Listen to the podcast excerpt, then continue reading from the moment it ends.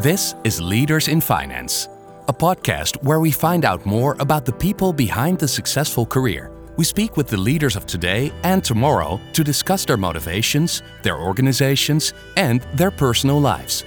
Why? Because the financial sector could use a little more honest conversation. We'd like to thank our partners for their support. They are Kayak, EY, Otters Berenson Executive Search, and Roland Berger. Our guest this episode has an interesting view on Britain's role in the world. If America's the policeman to the world, what's Britain? And it struck me that it was Butler. It's someone who stands there, they're polite, they're immaculately dressed, they've got all the manners and all the behavior of someone who's a good person, but essentially they do what they're paid to do and they do it as well as they can. He is a tour guide for something called the Kleptocracy Tours. It's like a Hollywood bus tour or any bus tour. Put people on a bus and point out properties that belong to oligarchs or kleptocrats and tell the story of the money that bought the house. And how can money launderers fly under the radar so easily? Unlike theft, the actual discrete act of money laundering is different to that. The victim is removed from it, so there is no one in the room who's incentivized to tell the authorities about it. Our guest this special episode is the world famous journalist Oliver Bullough.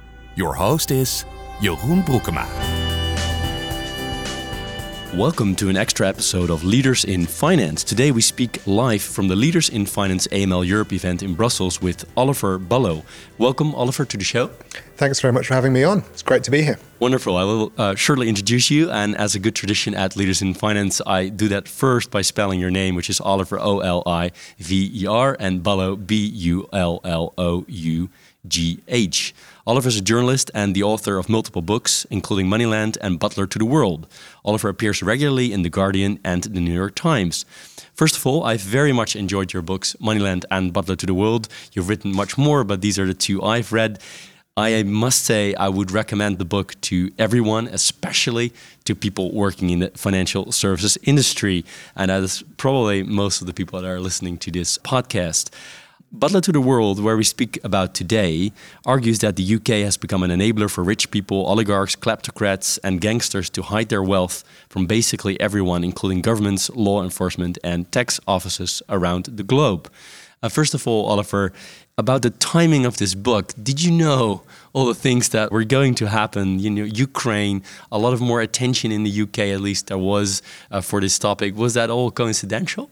Yeah, I mean, it's a funny question. Um, I had a few friends who accused me back in February of having, you know, cooked up some deal with Vladimir Putin to have him, you know, make oligarchy one of the most important issues in the world just to help me sell my book. I'd like to, you know, deny in the strongest possible terms that that that all of this was a publicity stunt. Um, it's been an extraordinary year when many of the issues around corruption, kleptocracy that I've been talking about for years have suddenly leapt to political prominence. And it's quite entertaining, in particular, thinking about how a year ago or 10 months ago, when I was talking to my publishers about how we were going to publicize the book, and we were looking for you know, the stories in the book which would have the greatest resonance to an audience. Um, one of the ones which I felt was particularly interesting was the role of Gibraltar in having spread unregulated or barely regulated gambling all over the world, which is amazing underreported story. And that struck us as probably the most sort of scandalous and remarkable insight in the book. That has a, attracted no attention at all, um, simply because of the change in everyone's debate because of what's happened in Ukraine. So, you know, if there is a silver lining in the horrible cloud of what's happened in Ukraine to the Ukrainians, it is that there is now far greater awareness in Western countries of the nature of Putin's regime, of the nature of, of Putin's friends and allies, and also of our uh, complicity, particularly in the UK, of our complicity in having helped him to create that system. So, you know, it's a small silver lining, but at least it's something. Yes, and then the title, Butler to the World. Did you come up with the title? And just for listeners that haven't heard of the book, haven't um, read anything about it. Why Butler to the World? Yeah, it's.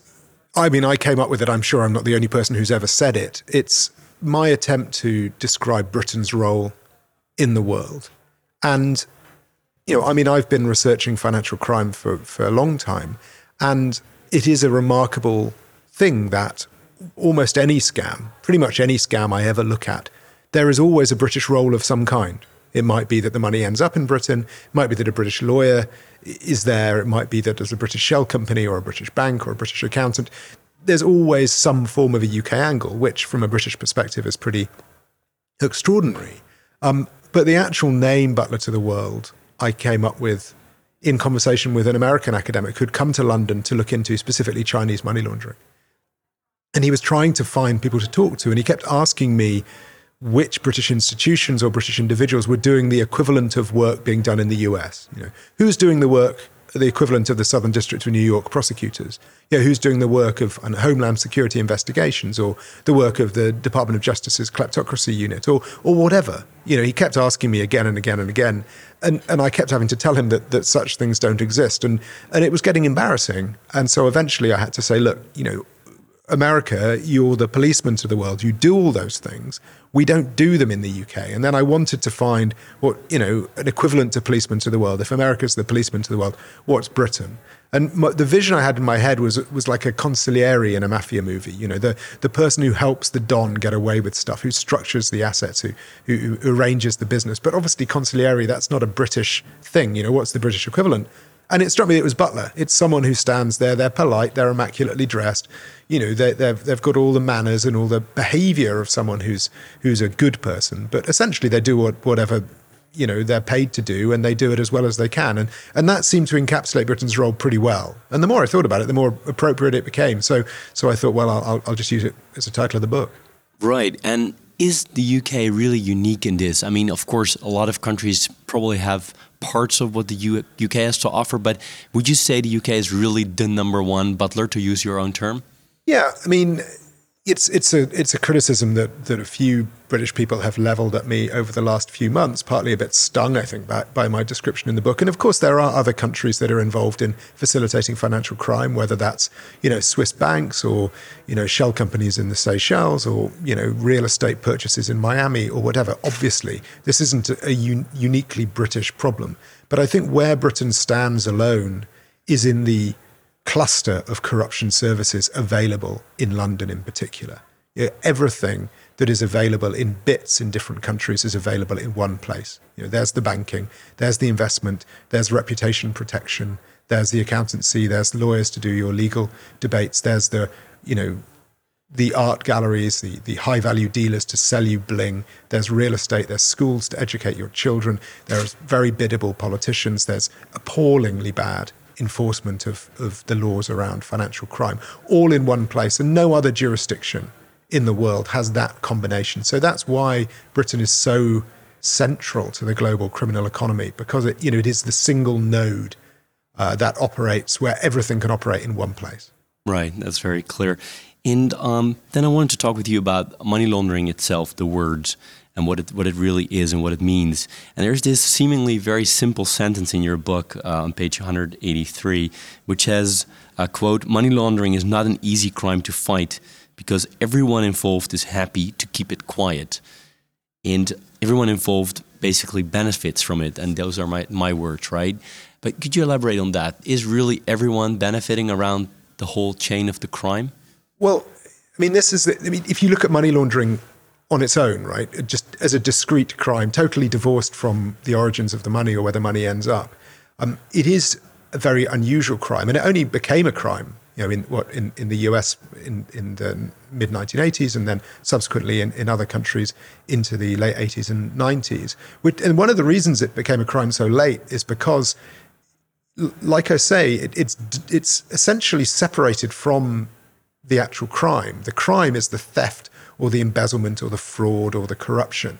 And then the laundering of the money is, is essentially just allowing people to get away with the proceeds of the crime. So it, it's a weird crime. And if you look at the people involved in it, there's no victim in the actual money laundering bit. The victim is in the predicate offense. So, you know, the banker or the lawyer who move the money, the person who owns the money, who's, who's the thief or, or the corrupt official, all of these people are essentially happy to keep it quiet. So, unlike theft, where there's a victim who will go to the police and say, I've had stuff stolen, or, or a victim of fraud, or a victim of corruption or embezzlement. The actual discrete act of money laundering is different to that because the victim is removed from it. So there is no one in the room who's incentivized to tell the authorities about it. And this is one of the reasons it's so hard to do anything about it. And I think one of the reasons that it's seen as, as you know, victimless, as, as a harmless crime, and, and so often not prioritized by governments. And that's something I really try to push against because money laundering is the arterial system, the blood system for global crime. Without money laundering, there would be very little crime because who commits crime? Well, people who want to make a profit. And if you can't keep the money you make, you're not going to commit the crime. And that's what money laundering allows people to do. So I'm constantly trying to find new ways, gr- arresting ways to explain to policymakers and politicians why we should take money laundering more seriously. Because right now, uh, we're failing catastrophically in to tackle money laundering. Um, you know, there is what 1% of criminal proceeds is identified, a, a, fraction of that 1% is ever recovered. You know, we may as well, I mean, essentially, we may as well not be doing anything. And that is a really shocking situation to be in. Absolutely, absolutely.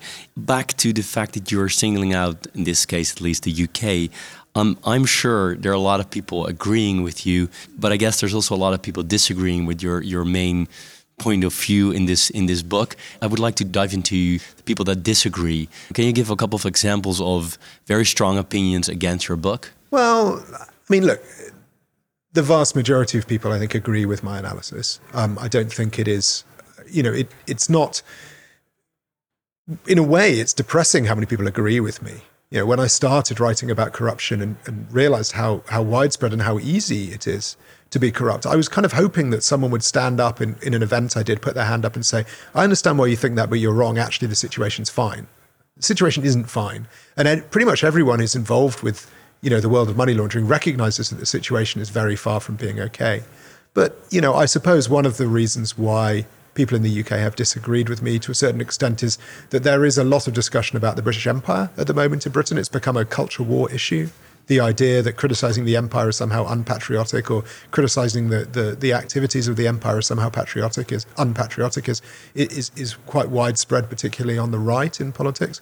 And, you know, there's no doubt that the story I'm telling in Butler to the World is a post imperial story. This is about the City of London repurposing the structures, mechanisms, and tools of the British Empire after the end of empire as a tool for moving illicit finance rather than the empire's finance. And that is an uncomfortable thought.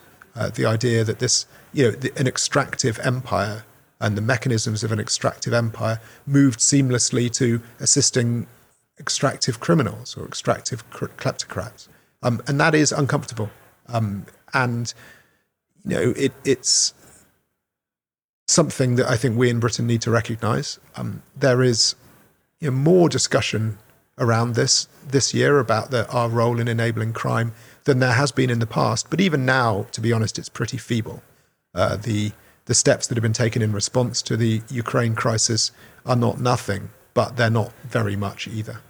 Yeah, I've seen quite some people that have gone to Parliament with your book, right? With the idea and asking questions to the politicians. Yeah, so there is a small group of politicians in Parliament uh, who get this subject, who take it seriously.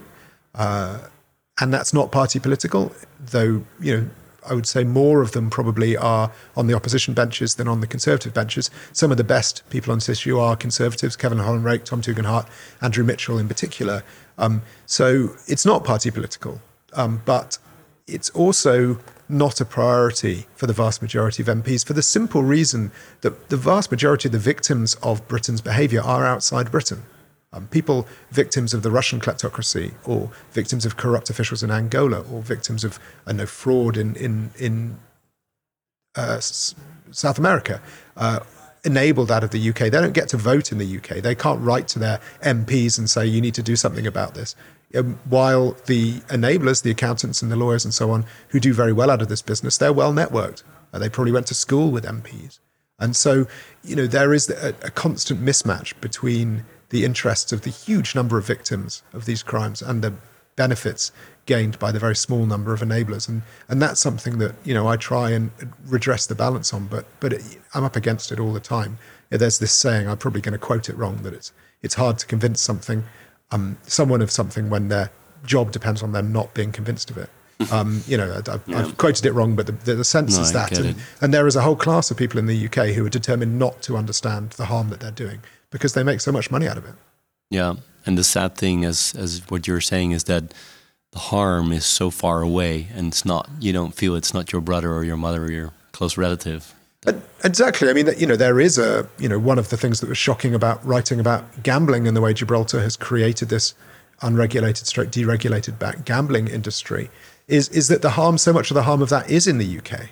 You know, we end up with this hugely predatory, um, you know, gambling industry preying on some of the most vulnerable people in Britain, and yet politicians don't care. They care far more about, you know, the interests of the big uh, betting companies. Um, and you know there are victims of fraud in the UK, large numbers of them. It's by far the most common form of crime, and many of the mechanisms used by fraudsters are the same as those used by corrupt officials. But you're right; overwhelmingly, the victims of what Britain does are in, you know, sub-Saharan Africa, South America, the former Soviet Union, um, South Asia, Southeast Asia, and of course China. Um, all of these places are, you know, dominated sadly by oligarchs or you know predatory politicians, and they like to keep their money in Britain because Britain's a very comforting and welcoming place to keep your money. Right. This is Leaders in Finance with Jeroen Broekema. Let's switch gears, and I'm going to test your Dutch here. Let's see if it works. Um, so, Oliver, when I start, I uh, would like to speak about the Britse Maagdeneilanden. Do you know what I'm talking about? Uh, it's abbreviated in three letters. um, uh, the Britse Maagdeneilanden the British Virgin Islands. Oh, I, I, I was just going to test your Dutch here. Okay, Madgen, um, Okay, I get yeah, it. That's yeah, yeah. Virgin. Yeah, um, yeah, exactly. Um, so uh, let's introduce that with two uh, short quotes from your from your book. One is um, so when you cut the legal terminology, uh, what is the BVI selling? It is selling discreet and affordable asset protection services, all guaranteed by the pleasant and reassuringly solid presence of the British flag. And then also, per head of, of, population, the British Virgin Islands are now richer than the average for Western Europe, and a third of the economy is directly made up of financial services, which is the biggest single sector, employing every ninth BVI islander. Um, so, could you elaborate on that? How could this ever have? I know it's a long story because I've read your book, but could you somehow summarize how this ever came about that such a small island group where you have visited, you have beautifully written about it. I, I loved those pages, how you describe, although it's such a sad topic as we just discussed, but I loved how did you, how you, you know, how you wrote about you visiting the BVI. But anyway, the question is, how did it ever come about that these islands became so heavily in the finance industry? It's an amazing story. And I don't think it's sufficiently appreciated how incredible it is the British Virgin Islands were by far the least prosperous of all the Caribbean colonies of the British Empire, which probably put them as the least prosperous colony of the British Empire, full stop. Totally irrelevant, ignored by politicians in London, ignored by everyone. Um, and the only reason that they're still British is because they were too poor to become independent. There were colonies all across the Caribbean, Jamaica, Guyana, uh, the Turks and Caicos Islands, you know, and so on, so on. But the only ones that are left, so the Turks and Caicos, Montserrat, uh, the BVI, Cayman, were the ones that were too poor, too remote, too small to become independent. And they managed to seize on the fact that they were still British into the 1970s and 80s to essentially become this amazing quantum space, which was both British and not British at the same time. You know, they had the reassuring presence of the British lawyers, British courts, um, you know, British administration, while having their own parliament and ability to pass their own laws. And what the British Virgin Islands did with this amazing opportunity was to pass legislation creating incredibly opaque shell companies, very cheap, uh, very affordable, um, very, very opaque, which were used by um, criminals, kleptocrats, business people, from all over the world to a vast extent. You know, they outcompeted um, Curacao, the Dutch uh, Caribbean possession, for largely because they were able to operate in English and with the common law, which meant them more attractive to Americans. Um, so Curacao had been an early mover in this space, but then was sub- sub- outcompeted by the BVI. But it, you know, so it began with Americans using these islands to dodge taxes, and then it was used by drug smugglers from South America, by business people from Hong Kong, uh, by politicians from sub-Saharan Africa. But if you, the crazy thing is, if you go to the BVI, which I'm pleased to say I have, it's a gorgeous, gorgeous country. Um, there's no sign. There is nothing to see. That you know that you go there expecting to to trip over scandal. All, all we're talking about is law firms, law firms, or that create these companies. The companies have no real presence in the BVI. There are hundreds of thousands of them.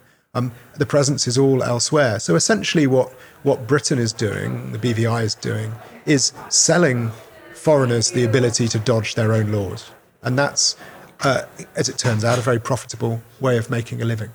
Um, so it, it's an extraordinary story, and um, you know, I, I, I, can only recommend people, you know, read the book in order to understand it. But it's just one of many similar stories I could have told. Cayman Island is the same story. Cayman is British still because Jamaica didn't want it. You know, it, it was a place with which lived on turtle fishing, and it's become one of the biggest fund management destinations in the world. Bermuda is the same. Jersey, Gibraltar, they have the same story. All these bits that that remain British have managed to, most of these places that remain British have managed to leverage that status into, into huge profit. Not all of them. There is no Falkland Island shell company industry, but most places have done it. Unbelievable. Before I ask that last question, I want to quote that Curacao comment you made because it's a detail here. But you were very diplomatic in this podcast. But in the book, you say Curacao was Dutch, and although Dutch people tend to speak beautiful English, they're still Dutch. So I, well, I, you know, I wanted to quote that one from, as well. From, from from an American perspective, that meant court proceedings had to be in Dutch. Lawyers had Fair to, enough. you know, had to, you know, it was which you know was was if from the perspective of doing things cheaply and quickly was just sand in the wheels that that the American tax dodgers weren't interested in. Yeah. No, so yeah, I mean, I, this is no disrespect to Dutch people. Here. No, no, no, no. don't, don't, get me wrong. I find it very funny. Actually, I'm sure most Dutch people find it very funny. Um, last question is: um, You have done, or you still do? That's a question in itself. Tours around London, so people can see billionaires' villas and stuff like that. Is that correct? And you're still doing it? Yeah, it, the kleptocracy tours, they weren't my idea. Uh, they were an idea of my friend Roman Borisovich, who came up with the idea back in 2014 uh, when uh, Putin first invaded Ukraine and annexed Crimea. Um, we wanted to essentially prevent Americans being, uh, sorry, prevent British people being able to say they didn't know what was happening. Um, you know, there's so much money is laundered through London, but it's not really visible. You know, one rich person's house looks much like another rich person's house. It's hard to say what belongs to an oligarch and what doesn't. So we wanted to be able to, to, to prevent people being able to hide behind ignorance, to say, no, we told you, we told you what was going on. So, I mean, the bus tours, it's a simple idea. It's like a Hollywood bus tour or any bus tour. Put people on a bus and point out properties that belong to oligarchs or kleptocrats and tell the story of the money that bought the house. Um, uh, we started doing them in 2014. Uh, we've only done one this year, uh, not because the oligarchs have gone away. Sadly, not. It's more that we've gone away. The three of us in, who kind of run it, um, who've all sort of slightly scattered. Arthur now lives in in Italy, and Roman lives in Luxembourg, and I've moved back to Wales. So you know, we're still going. We, we did one for MPs earlier this year, and we'll keep doing them. But it's just a little bit harder to organise than it used to be. The, the issue, sadly, is is as urgent as it always was. So you know, we we we've, we've very much not given up.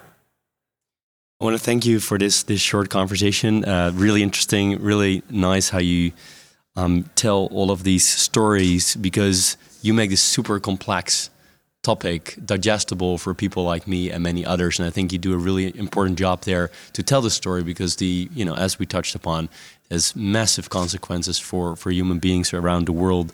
So many thanks for that. I hope you keep up that good work, keep doing it. And for now, I want to say, um, really, um, really do buy this book. I'm not, uh, I don't make any profit when Oliver Bullough is selling books, but I do highly recommend buying the book and read it because it's a really good read. You can learn a lot from it, and it uh, does have to do a lot with the financial services industry. So um, thank you, Oliver, for taking the time. Thank you very much for having me on. You've been listening to Leaders in Finance. We hope you've enjoyed the episode and would love to hear from you. What's on your mind?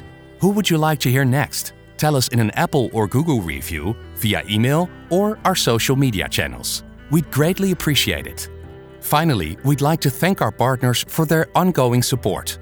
They are Kayak, EY, Otters Berndsen Executive Search, and Roland Berger. Thank you for listening.